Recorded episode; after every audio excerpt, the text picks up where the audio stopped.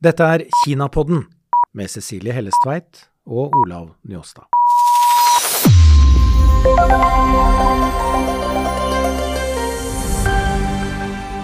Hei, Cecilie. Hei, Olav. Dette er Kinapodden, Det er det. og hva vil vi med den? Vi vil så mangt. Ja, og kanskje er vi opptatt av at Kina har fått en stadig mer sentral rolle i nyhetsbildet. Og ikke bare i nyhetsbildet, men i verdenspolitikken.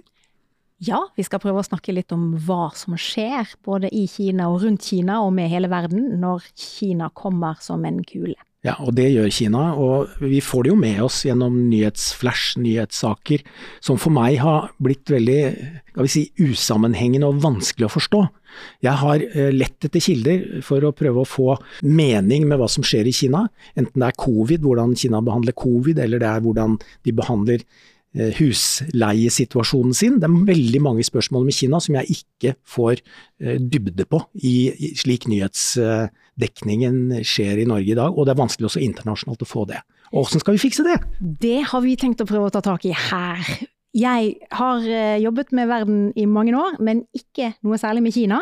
Men Kina kommer inn på veldig mange av de områdene jeg jobber med. Og jeg mener at vi trenger mer av struktur i analysene, sånn at vi skjønner de små tingene og hva de betyr i den større sammenhengen. Så Ja, det skal vi prøve ja. å få til. Og det er nettopp de små tingene som kommer til oss via nyhetsformidling, eller tilfeldig, som vi fanger opp tilfeldig et eller annet sted i den flommen av informasjon som kommer. Kinapodden er kanskje ikke verdens beste navn, men det er informativt i den forstand at du vet umiddelbart hvor du skal, og du finner oss på søk og i de ulike plattformene. Vi har fått støtte fra Fritt Ord til å lage ti episoder, så vi begynner med det. Og så får vi se åssen det blir etter hvert. Men eh, vi må si litt om hva vi skal ha. Og da har vi en del overskrifter. F.eks. så har vi jo lagt merke til at Kina fortsatt har befolkningen sin i karantene. Det har de etter covid-pandemien.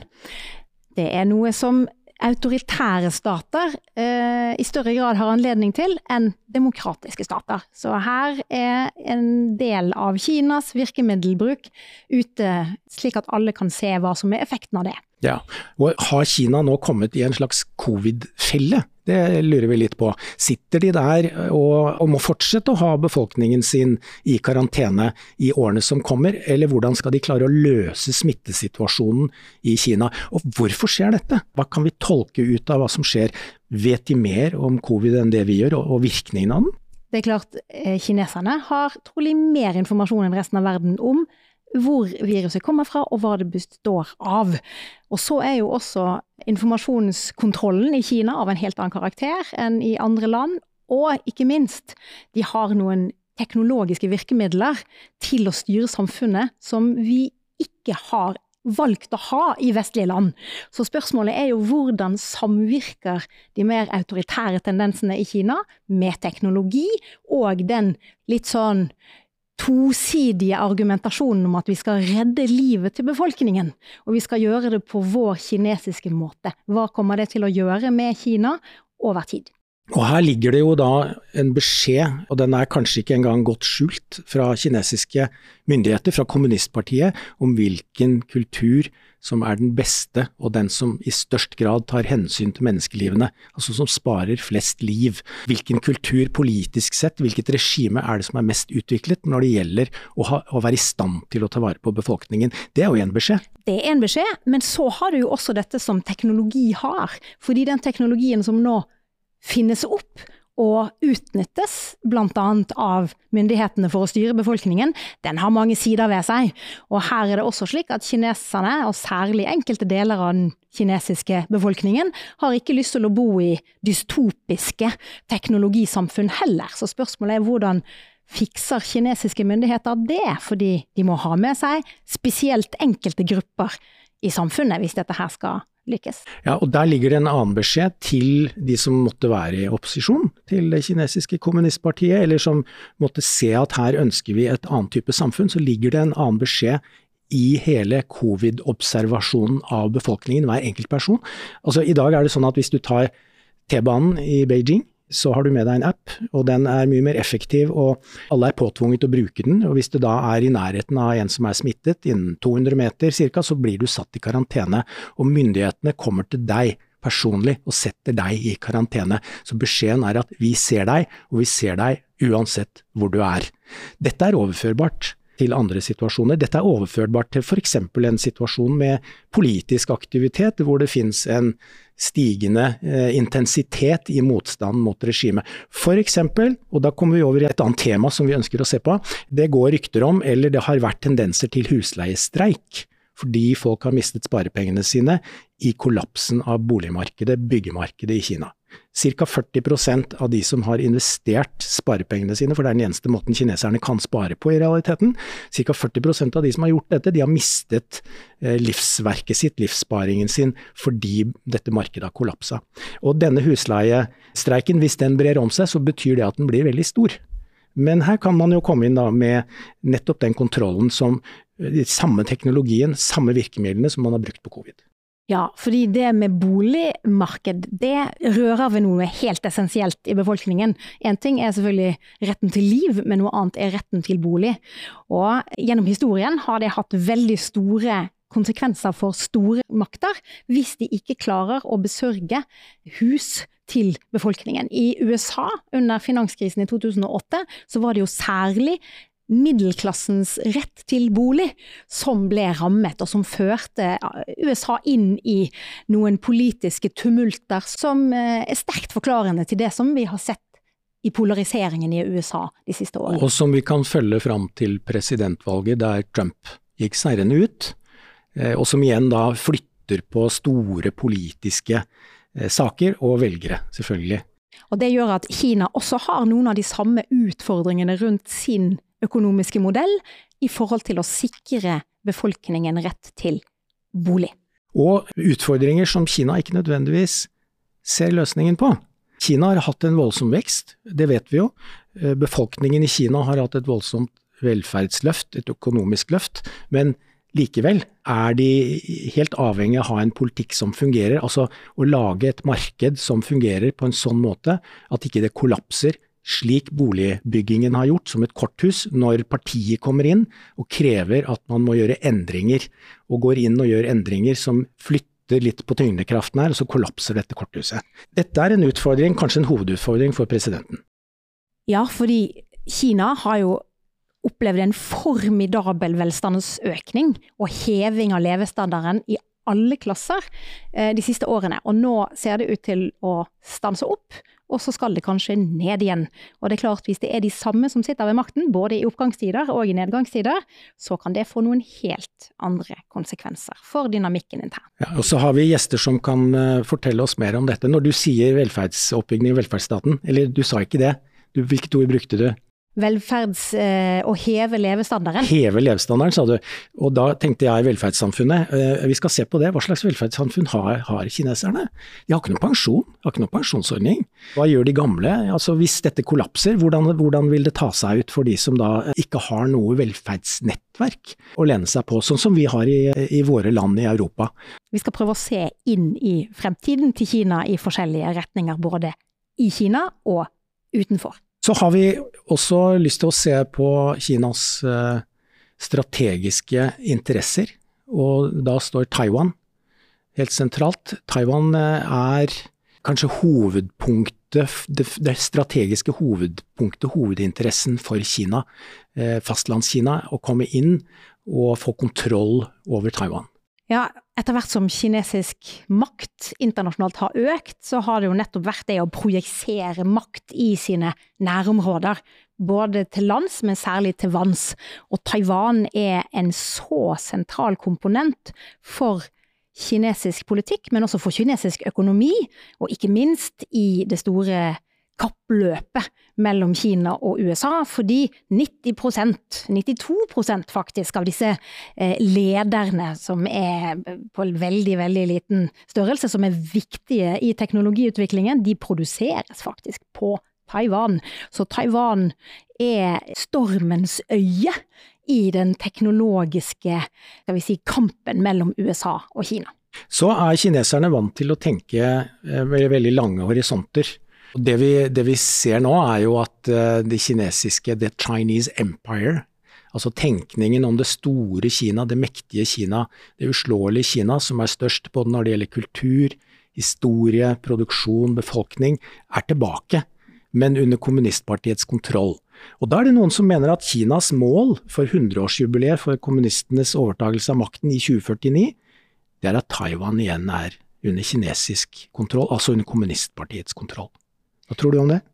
Det vil vi finne ut av i løpet av podden. Det som er utviklingen i verden, er jo at en del av de andre landene som har hatt historiske imperier, Russland særlig, og kanskje også Iran og en del andre, de har de siste årene snakket stadig oftere om dette, også Tyrkia, om sine historiske roller, og har begynt å trekke frem på en måte sin egen funksjon som imperie.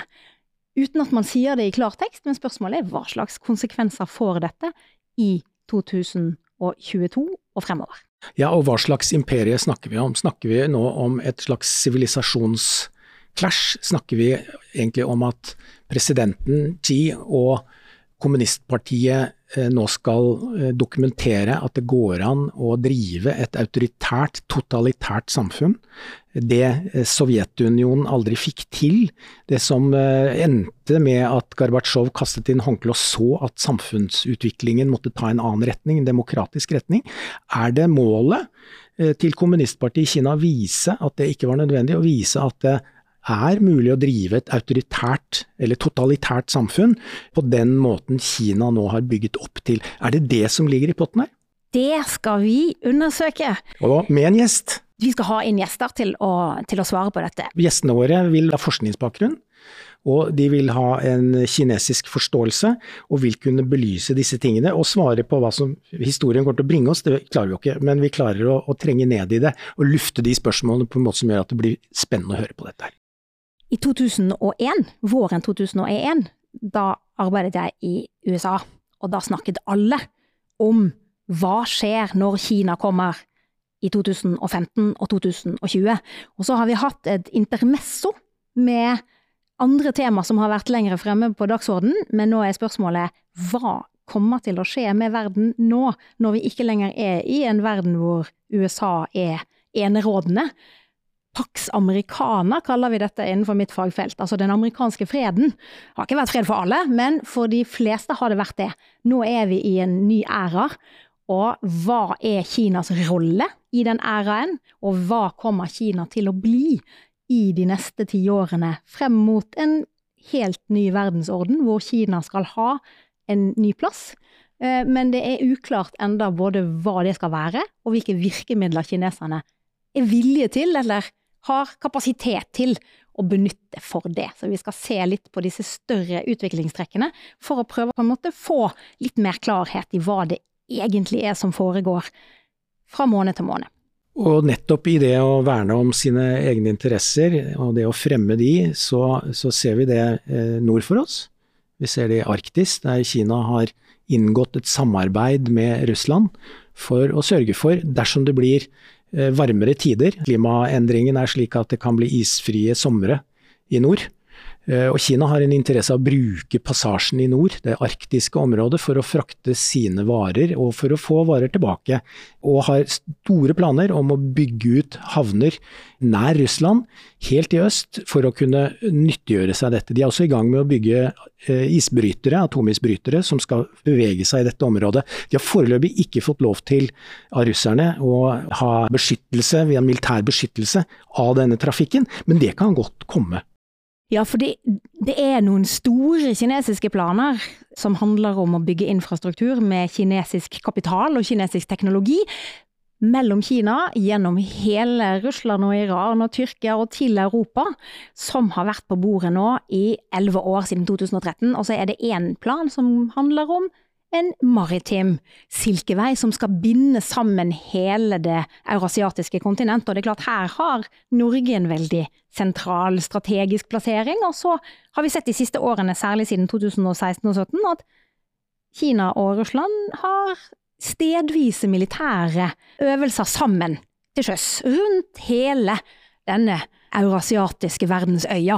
Og da blir jo spørsmålet i neste omgang hva betyr det for Norge at kineserne ikke lenger bare er begrenset til Asia, men også begynner å markere seg mer i våre nærområder. Ja, og da hvis vi ser jordkloden, da, globusen fra den synsvinkelen så, så, ser vi Norges nordligste deler. Vi ser Svalbard også.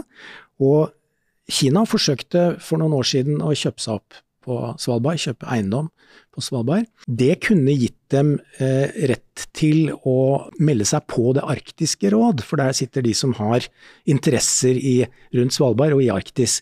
Og nettopp en sånn liten mekanisme som det, dette var en, en, en sitatsak, en liten NTB-sak som gikk landet rundt i 2014 om at Kina ønsket å ha eiendom på Svalbard. Men den var ikke forklart. Men den kan forklares nettopp med disse interessene som Kina sitter og ser på lang sikt. Og i våre dager så foregår det en ganske intensiv krig i Ukraina, hvor russerne har gått til krig mot Ukraina. Og effekten av den krigen kommer også til å påvirke Russlands evner til å være til stede, f.eks. maritimt, i nordområdene. Og hva slags effekter får dette for muligheten til kineserne å markere seg i nord, både diplomatisk, politisk gjennom Arktisk råd, eller utenfor, eller eventuelt militært. Så er jeg litt opptatt av en tanke. Kunne Konfutse vært medlem av kommunistpartiet, og ville han blitt valgt til president? Det tror jeg ikke. Jo, men jeg tror kanskje det. Altså, sittende president Xi Jinping har skrevet bok om Konfutse. Han framhever det som er Konfutsets lære, som dreier seg om harmoni, om respekt for autoriteter.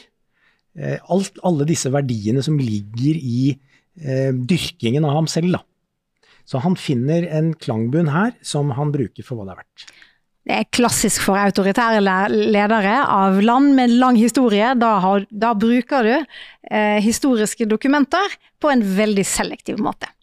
Ingen av oss har truffet Konfutse, men eh, jeg holder fortsatt en knapp på at han ville vært en strålende autoritær, totalitær leder i dagens Kina.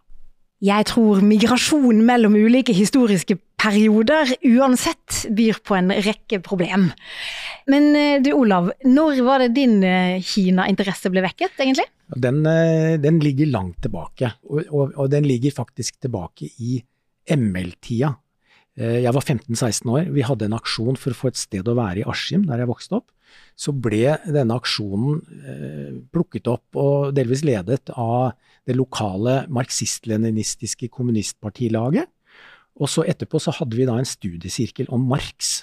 Altså das, vi, vi, leste, vi, leste, Marx og hadde en studiesirkel om det. Så det er tross alt din kommunistiske fortid som har gitt deg denne interessen for Kina? Hvis du kan kalle den det. Jeg har aldri eh, Ja, det vil jeg kalle den. Ja, da kaller du den det. Ok. Men da eh, var det slik at en kompis av meg, han skulle på utveksling, han var 16 år, jeg var 15, han skulle på utveksling til USA på et AFS-stipend, som det heter, eh, og bo som familie og gå på amerikansk high school. Og så hadde jeg også veldig lyst til å søke på dette. Så, da, som, så fortalte jeg om dette her i, i denne studiesirkelen, fordi at vi, når vi skulle lese Marx, jeg skjønte ikke så mye av kapitalen på den tida. Skjønte mer siden, etter å ha tatt statsvitenskap til hovedfagsnivå og litt sånn. Men eh, så fortalte jeg at jeg jo, jeg vurderte å, å, å søke stipend i, i, USA på lignende vis som studentutveksling. Så sier han ja, men hvorfor søker du ikke, hvorfor kan du ikke reise til Kina da?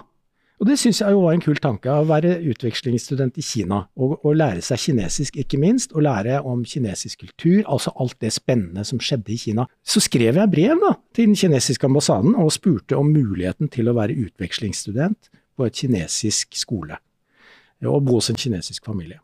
Jeg fikk et hyggelig brev tilbake på norsk, og fikk da vite at de hadde ikke sånne programmer, at det ikke var mulig å få til det, og så fikk jeg et gratisabonnement på Kina i dag ser man det.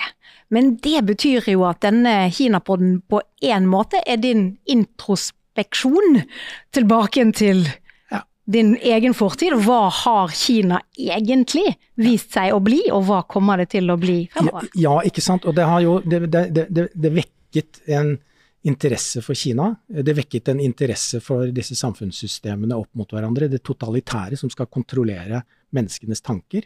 Ikke bare det autoritære som godtar menneskenes tanker og, og beveger under, men likevel forlanger lydighet. Men det totalitære aspektet ved det kinesisk eh, politikk og kultur, som skrur seg til veldig nå, hvor det ser ut som Kina er inne i en ny kulturrevolusjon, rett og slett. Eh, hvor man, man med tankeovervåkning har man ikke ennå, men man kan overvåke potensialet for at kinesiske borgere skal gjøre noe galt.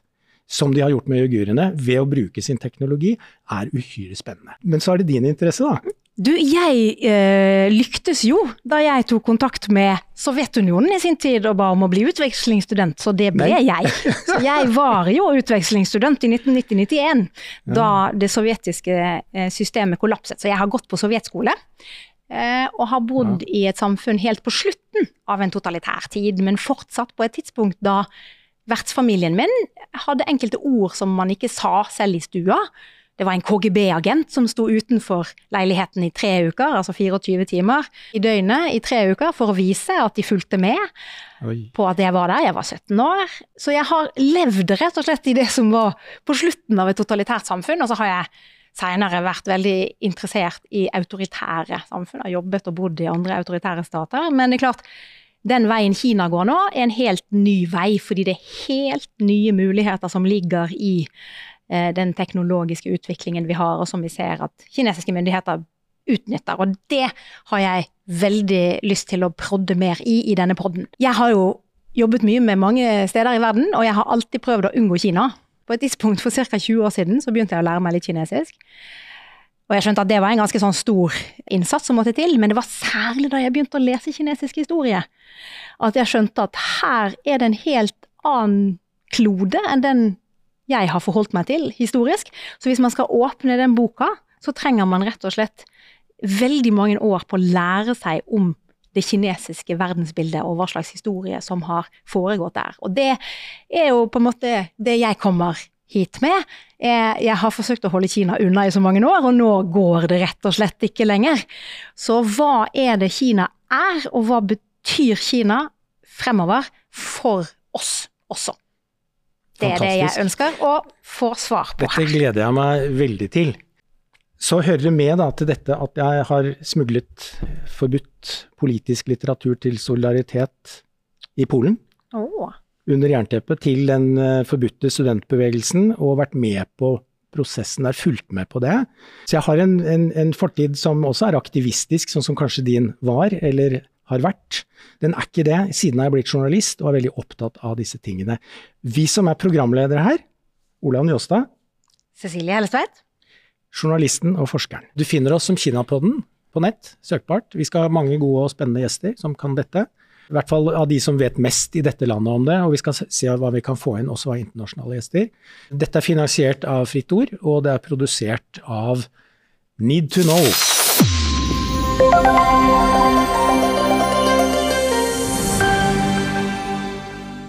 Denne sesongen av Kinapodden består av tolv episoder. Bruk søkeord Kinapodden.